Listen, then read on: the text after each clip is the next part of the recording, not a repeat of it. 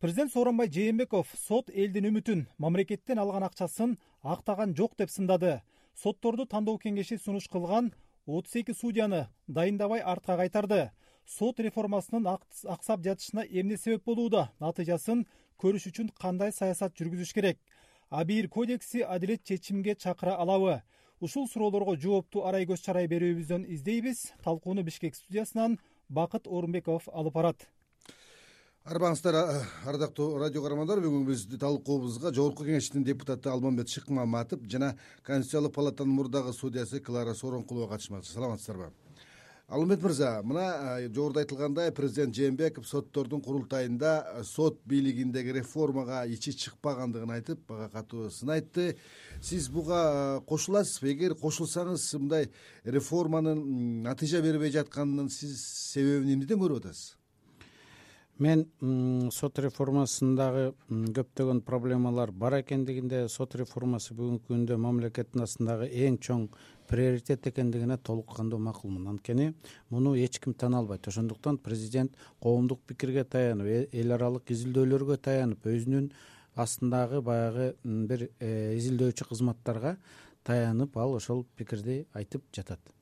Чынында эле сот реформасы башкача айтканда сот адилеттүүлүгү деп айталычы түшүнүксүз болуш үчүн. Сот адилеттүүлүгү толук кандуу орнобогон мамлекеттин экономикасы да чабал болот э, финансовый акыбалы төмөн болот. Анткени ал коомдо укуктук нигилизм күч алып укуктук э, укуктун э, мыйзамдын жогорку күчү камсыз болбойт адамдардын укугу корголбойт инвестициянын укугу корголбойт бизнестин укугу корголбойт башкача айтканда мыйзам буйдалаган төөгө айланып калат ошонусу менен сот реформасы сот адилеттүүлүгү бул аба менен суудай керек. Ошондуктан президент эң маанилүү маселелердин бири баардык реформалардын башаты сот реформасы деп коңгуроону коңгуроону туура кагып атат реформалар абдан көп. Мына айыл чарба билим берүү саламаттык бирок реформанын реформасы ошо сот реформасынан башталат клара айым ушул сөздү кайра улантсак мына президент өз сөзүндө да айтып атат э, азыр дейт э, өлкөбүздүн жаңы укуктук мейкиндикти өтүү процесси айрым тоскоолдуктар менен коштолуп келүүдө деп атат. Экинчиден биз мындай оор реформаны алгачкы ирет ишке ашырып жатабыз деп дагы баса белгиледи да. Сиздин оюңузда бул реформанын оордугу эмнеде болуп атат? Буга ким тоскоолдук кылып атат анда? Эми президент бүгүн басым кылып айтып кетти. Өзгөчө соттордун жоопкерчилиги боюнча эгерде байкасаңар айтпадыбы азыркы күндө он сотко карата кылмыш иши козголду депчи. Эми бул э, чынында биздин система үчүн аябай жат көрүнүш да анткени соттор деген кандай тандоодон өтөт? Ошо тандоодон өткөн соттордун мына бир эки айда эле он чакты сотко э, бир мезгилде иш козголуп атат да. Демек бул ушуга чейин болгон э, тандоо процесси эч нерсеге жарабайт дегенди билдирет. Ошондуктан азыркы күндө мына негизги ушу президент дагы өзү айтып кетти. Э, негизги көйгөй бул сотторду тандоо жана э, сот системасын тазалоо. Э, баягы коррупционер соттордон саясий заказды аткарган соттордон ошолордон ошолорду тазалап ошолордон кутулуу болуп атат да. Негизги көйгөй ушу эки көйгөй деп эсептедим да мен президенттин сөзүнөн. Анда бул процесстин реформа алга жылбай жатышына соттук мындай эменин системанын өзүндө бир кесепет барбы анда. Соттор өздөрү буга реформага даяр эмеспи же болбосо тоскоолдук кылып атат десек болобу анда президенттин сөзүн алганда? туура негизги проблема бул соттордун өзүндө. Анткени мына мыйзам жагынан ала турган болсок соттордун көз карандысыздыгына өз алдынча иш алып бараарына бүт кепилдиктер бар бүт шарттар түзүлүп берген. Материалдык жактан дагы мына соттордун айлыгы да бир топ жогору башка бюджетнингтерге караганда шарттардын баары түзүлүп берип атат каржыланып атат жабдыктар берилип атат. Бирок ошондо дагы мына азыркы күндө сотторго болгон нааразычылык коомдо күндөн күнгө жогору болуп атат да жогорулап атат. Негизги проблема соттордун өзүндө. Биз деле мына байкап атабыз соттор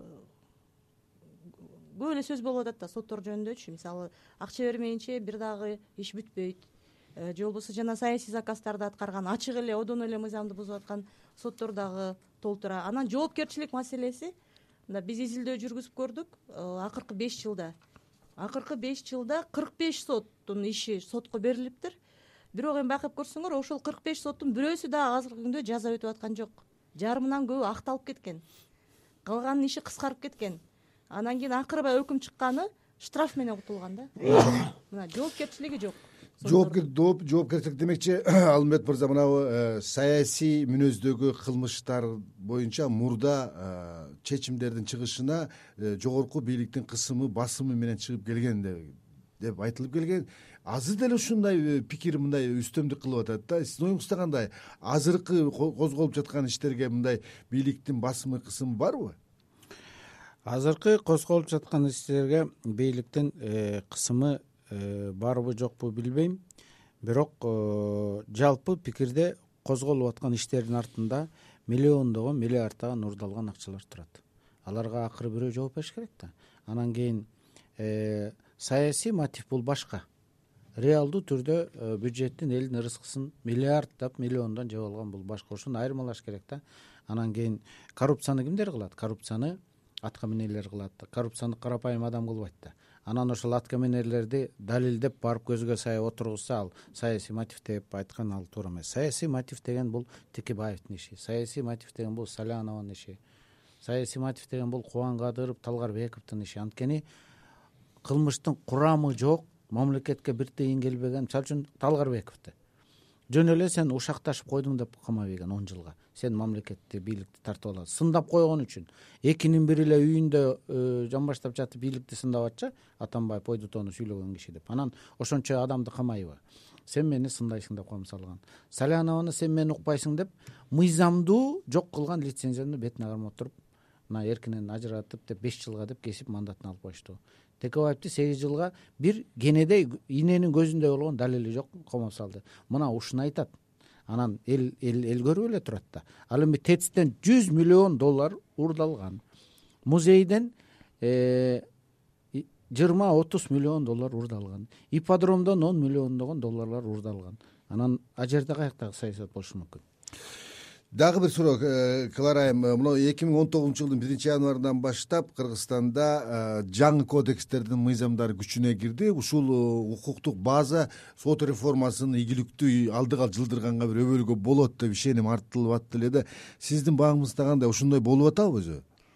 Эми жалпысынан бул мыйзамдар жакшы өбөлгө жакшы шарт түзүп берет.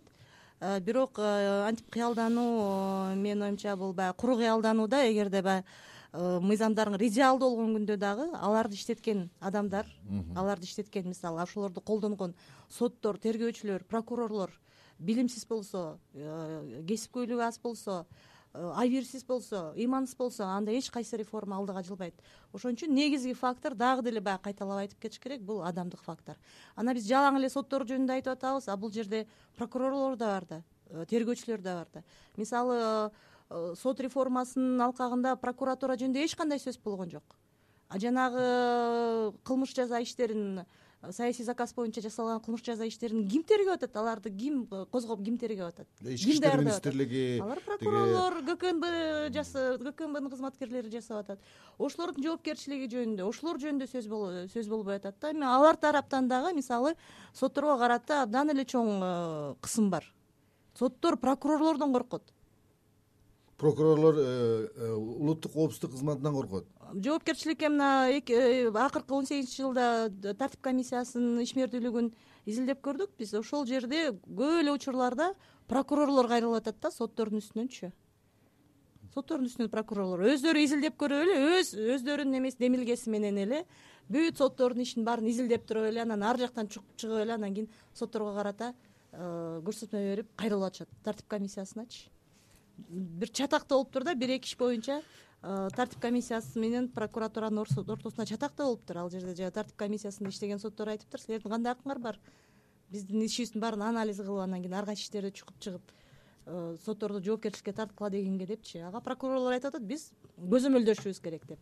Мына бул жерде ушундай бир э, прокурорлор менен соттордун ортосундагы ушундай карама каршылык бар. Бирок көп учурда прокурорлордон прокурорлордун сөзүнөн чыга албайт прокурорлордон коркот соттор.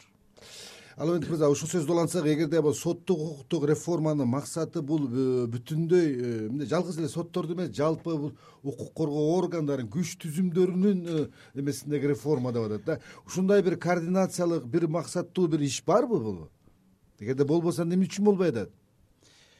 Биринчи кезекте жанагы сот сотпу прокурорбу тергөөчүбү жоопкерчилик жок жерде тергөөчү дагы өз билгенин кылат прокурор да өз билгенин кылат э, врач да өз билгенин кылат мугалим да өз билгенин кылат.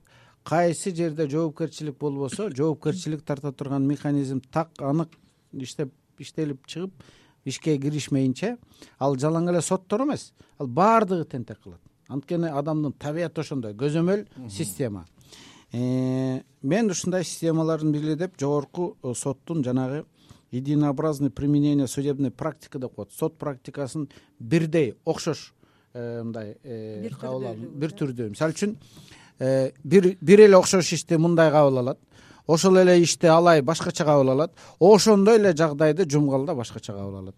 Жумушка орношуу боюнча же э, бошотуп кое боюнча бирөөндө восстановить этет бирөөндө бошотуп ийет кылмыш боюнча бирөөндө сегиз жылга кесет бирөөндө э, штраф менен чыгарып ийет айтор единообразное применение судебной практики дегенди жогорку соттун тетиги илгеритен бери келаткан э, өнүккөн мамлекеттерде дагы башкача аталат бирок ошондой инструкциялар бар. Мыйзамга тетечи единообразное э, применение судебной практики деген бул жогорку соттун пленуму. Жогорку соттун пленуму деген баардыгы биригип окумуштууларды кошуп алынган практикалардын баарын обобщать этип туруп мисалы үчүн кыз боюнча момундай толкование кыласыңар.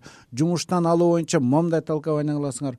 Кылмыш иштерди коррупцияны момундай толкование десиңер кызматтык абал деген момундай түшүнүк таможенный пересечение деген момундай түшүнүк деп зыңкыйтып баарын регламентке жазып тыпыйтып коюп койсо аны сот өзү буза албай калат. Мына ошону айтат система деп. Бузайын дейт акчага кызыгып. Буза албай калат.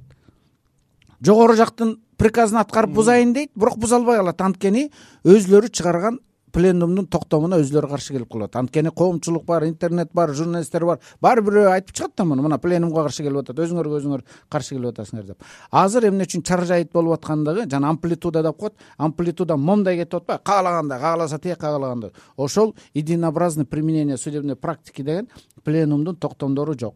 Пленумдун токтомдоруна э, мисалы үчүн бир он жыйырма отуз кырк эме бир э, мындай жолдор бар да. Ошол отуз кырк пленум постановление верховного суда болсо ошонун негизинен соттор райондон баштап жогорку жака чейин эч ким ошондон аттап чыга албай калат.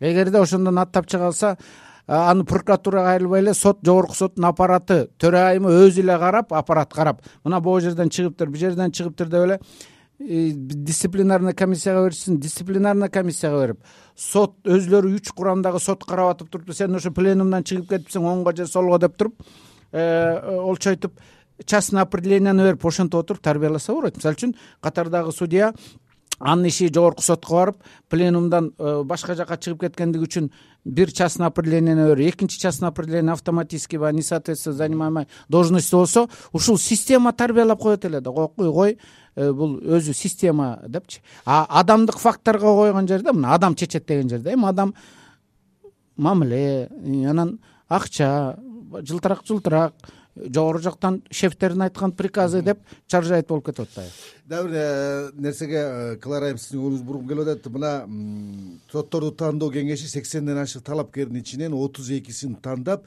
президентке сунуш кылды эле. Бул президент отуз экисин тең кабыл албай койду. Демек ал булар кайра дайындалбайт деген сөз да туурабы демек бул эмне деген көрүнүш? Бул эмне деп мындай болуп атат булар кайра дайындалбайт эмес. Булар президенттен өтпөй калып эле кайра бир топ бир бир жылдан кийин болуш керек эле. Кайрадан эле бере берет укугу бар. Сотторду тандоо кеңешинин төрагасы менен сүйлөшүп отурсак айтып атпайбы кайра эле айланып эле кайра эле ошол кишилер келип атат депчи. Тандай турган материал жок деп атат. Акыры анан айласа кеткенден кайра эле ошолорду өткөрүп атат да. Мен аттарын атабай эле коеюн бир эки жолу үч жолу өтпөй калып эле анан төртүнчү жолу өтүп кетип аткандар болуп тура жок бул э, эмне үчүн өтпөйт. Отуз экисинин баары тең эле жанагындай бир терс көрүнүштүдөгү адамдар эмес да туурабы мына баягы дүңү менен өтпөй калып атпайбы. Бул эмне тандоону кайра өзгөртүш керекпи? Системаны кайра өзгөртүш керекпи эми бул жерде көйгөй э, көп муну э, айтып да келатабыз изилдеп да келатабыз тегерек столдордун да бир далайын өткөрдүк. Бул тандоо процессиндеги абдан чоң кемчиликтер. Биринчиден аябай кыскартып коюшту мына мыйзам чыгаруучулар жыйырма төрт киши эле азыр тогуз киши болуп калды тогуз кишинин үчөө сот системасынан алтөө парламенттен келет. Үчөө оппозициядан үчөө коалициялык көпчүлүктөн. Ал жерде фракциянын лидерлери өздөрү эле чечип коюп атат ким болот? Ошон үчүн сотторду тандоо кеңешинде иштеген адамдар адамдарга мисалы ишеним жок да ал жерде мындай сотторду ушундай сапаттуу тандай турган эч ким жок. Конституцияда көрсөтүлүп турат жарандык коомдун өкүлдөрү болуш керек үчтөн экиси депчи. Бир дагы өкүл жок жарандык коомдун ошон үчүн бул э, биринчиден э, сотторду тандоо процессиндеги кемчиликтер. Экинчиден тандоо механизми. Тандоо механизми. Мисалы президент э, кечээ айтпадыбы профессионалдуулугу жагынан жакшы тандалбай атат депчи. Профессионалдуулук жагынан тандалып эле атат булар окушат. Азыр канча ай болуп калды? Бир жыл бир жылга чейин окушат анан кийин үч экзамен тапшырат анан кийин келишет тандоо кеңешинечи ал жерден дагы суроо беришет бирок бул жерде негизги маселе жанагы кынтыксыздык деген талап бар да бул моралдык жактан. Ошол жагынан баягы репутациялык талаптар бар. Ошол жагынан текшерилбей калып атат ошону текшере турган механизм жок. Биз сурадык да кандай текшерип атасыңар? Жана кынтыксыздык талабы боюнча десек эми баягыда бир саат психолог бизди окуткан дейт. Анан ошо менен эле текшерип коюп атабыз дейт. Эми ал ал жерде баягы профессионалдар психологдор отуруш керек да текшериш үчүнчү. Кандайдыр бир методикасын иштеп чыгыш керек. Ошон үчүн мына сот системасында мына азыр он сот э, жоопкерчиликке тартылып атабы эртең жыйырмасы болобу отузу болобу таң калбай эле коюш керек да. Э, тандоо механизми тандоо механизминде абдан немелер көп кемчиликтер кемчиликтер көп Э, алмамет мырза мына э, курултайда соттордун а бир кодекси деген документ кабыл алынды. Биз биздин практика үчүн бул жаңылык го дейм эле да. А бир э, кодекси деп кабыл алды чындап эле бул ушул кодексти кабыл алуу соттордун адилеттүүлүгүнө жетишүүгө мындай эчтеке чечпейт береби? Ал жөн эле съездде баягы ура ура деп а бир кодексин кабыл алып коюп эмнени кылыш керек эмнени кылбаш керек деп жазбашты бирок Э, баягы тамырлуу фундаменталдуу маселе чечилмейинче ал а бир кодекс ал бул жөн эле бир э, мындай бир сыйпалап койгондой эле бир крем сыяктуу нерсе да анын бары жогу да билинбейт бакыт токетер жери соттордун жоопкерчилиги күчөмөйүнчө жоопкерчилигин күчөтө турган механизмдер кирмейинче мен жана айтып бербедимби пленум постановление верховного суда. э, судьяларга кайра частный определение чыгарууга мүмкүнчүлүк берүү боюнча дисциплинарный комиссиянын азыркыдай механизми бултор эмес. Азыркы механизми түздөн түз барып эле президентке байланып калган. Ошо дисциплинарный комиссиянын курамы башкача э, болуш керек деген бул системный жолдорду айтып атабыз да. Ушул болмой ушулар болмоюнча э, баягы э, маселе чечилбейт го деген жеке менин туюмум пикирим. Анан мындай биз айтып атпайбызбы жанагы кимдерди тандадыңар тандоо кеңеши ай айланайындар. Сотто сабат мындай мыйзамды билбеген киши жок. Баары тең клара айткандай окуган билимдүү ушул жерге чакырсаң такылдап закондун баарын азыр баарыбызга манас айткандай айтып берет закондорду. Баарын билет толкованияны сонун билет жазгандарды койкойто жазат. Жоопкерчилик жок болду. Акча биринчиси акчанын кулу э, ачык эле айтыш керек да эми алар жөн эле бирөөнүн убалына калайын деп жасабайт да экинчиси жогору жактын айткан приказынын кулу. Мына эки э, жагдай менен Э, соттор э, туура эмес чечимдерди чыгарат. акчага кызыгат экинчиси үстү жактын приказын аткарат. Ал жанагынтип караңгылыгынан туура эмес чыгарып койду дегенге мен кошулбайм караңгы эмес балакетей эле жок караңгылары деле бар. А караңгылары болсо аларды жогорку сот түздөп коет допустим бир караңгы болот э. Анан мына жогорку инстанция гор суд деген бар. Эми үчөө караңгы болуп калбайт да. Эй бул туура эмес кылыптыр да оңдоп коет. Андан ары жогорку сотко барат жогорку сот оңдоп коет бир караңгынычы мына э, анан караңгы экен деп мырза айткандай тиги жогорку соттун пленумунун күчү канчалык ушуга мындай негиз бере алат? Э, жогорку соттун пленумунун күчү азыркы күндө э, мыйзамга теңеп койгон. Он алтынчы жылы конституцияда кирилген киргизген өзгөрүүлөр боюнча азыркы күндө соттор сөзсүз түрдө аткарыш керек да. Эгерде буга чейин баягы рекомендация катары аткарылса азыркы күндө сөзсүз түрдө аткарат. Бул мыйзамда эле күчү бар да. Бирок бул жерде бир опурталдуу нерсе алмамбет мырза айтып атпайбы пленумду күчөтүш керек депчи. Бирок пленумду күчөтүш керек деп атабыз да бирок ошону менен жогорку сотко болгон талапкерлерге э, талапты неметип атпайбызбы төмөн кылып атпайбызбы мисалы азыр айтып атабыз стаж кереги жок депчи мурун стаж керек болчу да сөзсүз түрдө эгерки жогорку сотко барам деген судья үчүн стаж керек болчу. азыркы күндө ал алынып калды. Андан кийин өмүр сот системасында иштеген киши жогорку сотко барса пленумга кантип катышат. Пленумга катышыш үчүн тажрыйба керек билим керек илим керек.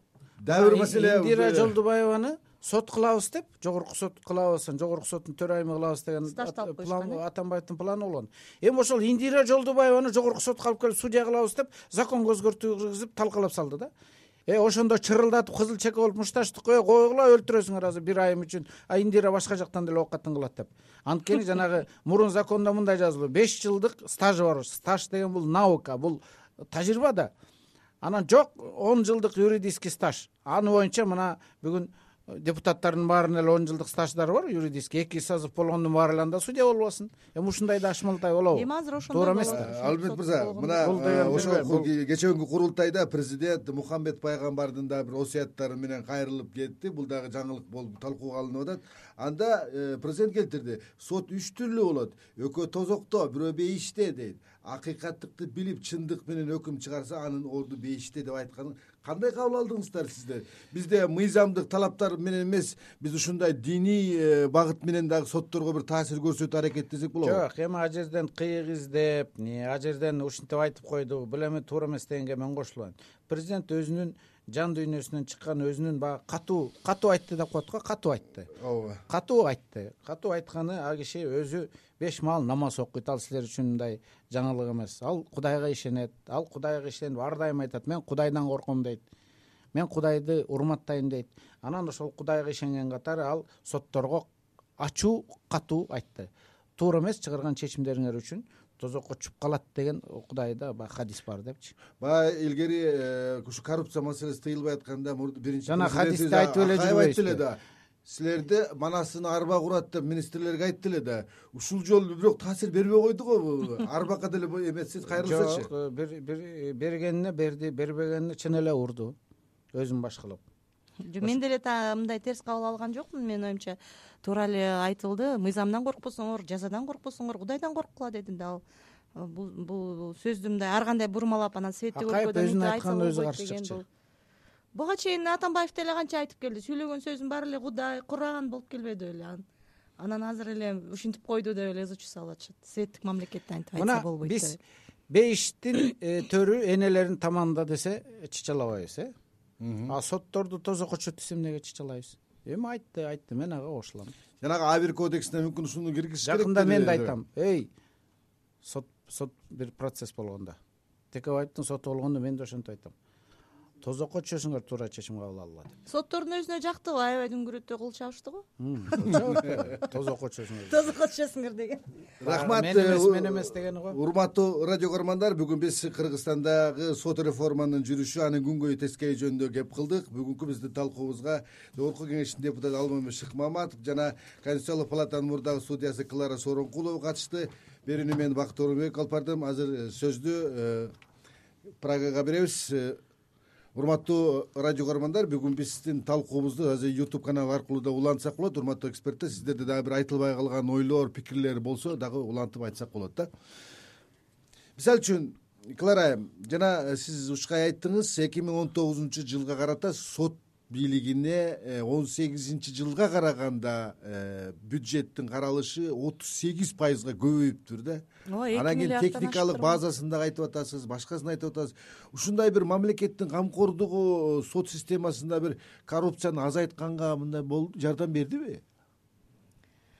Эми э, бул жерде баягы белгилеп айтып кетиш керек. Былтыр э, жана коопсуздук кеңешинде ушуну аябай э, коомчулуктун көңүлүн бургузуп мамлекеттик органдардын көңүлүн бургузуп айтты эле да президентчи өзгөчө сот системасындагы коррупция менен күрөшүш керек.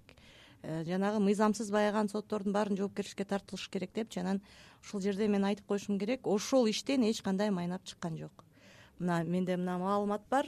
Э, башкы прокурор бир топ э, мурунку соттор боюнча азыркы соттор боюнча декларацияда мүлкүн жашырып койгон деп. э, көрсөтмө берген жоопкерчиликке тарткыла деп. Административдик жоопкерчилик.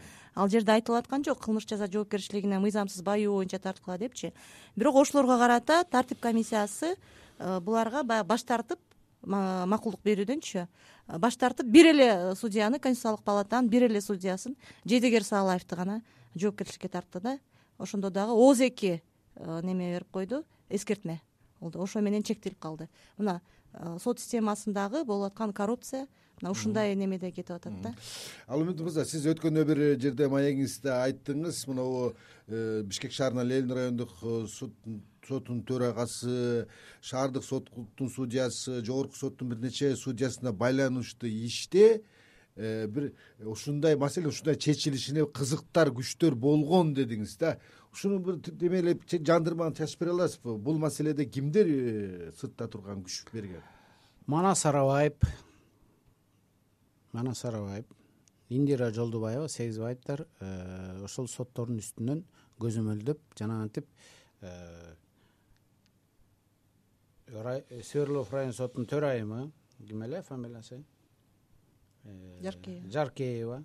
Шаардык соттун үч судьясы жогорку соттун төрт судьясынын убалына мына жети сегиз адамдын убалына ушул үч киши калды. Арабаев э, индира жолдубаева жана абдил сегизбаев анткени мындай ал жерде мен ишенбейм ошол жанагы он э, он эмес ал жерде бир отуз миллион доллардын оокаты го. Отуз миллион доллар турган бирөөнүн бизнесмендин оокатын ушул жети судья отуруп алып эле давай деп бөлүп тартып э, алып алды деп. Алардын андайга духу жетмек эмес.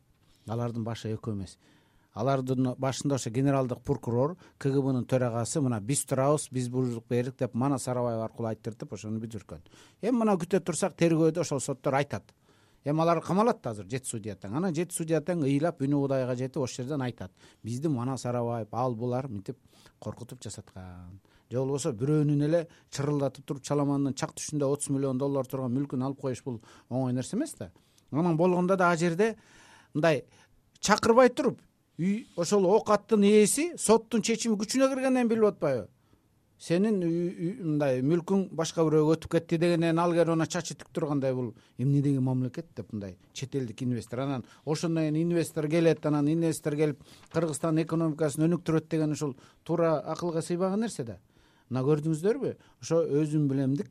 Э, үч эр кулдун кылганы мына үчөө тең азыр бирөөсү сызып жүрөт экөөсү бул жерде жүрөт. Бирок э, бийликтин укуругу эмнегедир аларга жетпей атат. Бирок эми ойлоп атам соттор аларга көрсөтмөнү берет рахмат анда башка пикириңиздер жок болсо биз бүгүнкү маегибизди жыйынтыктайлы. Бүгүнкү маекке бизге жогорку кеңештин депутаты алмамбек шыкмаматов жана конституциялык палатанын мурдагы судьясы клара сооронкулова катышты. Берүүнү мен бакыт орунбеков алып бардым. Саламатта калыңыздар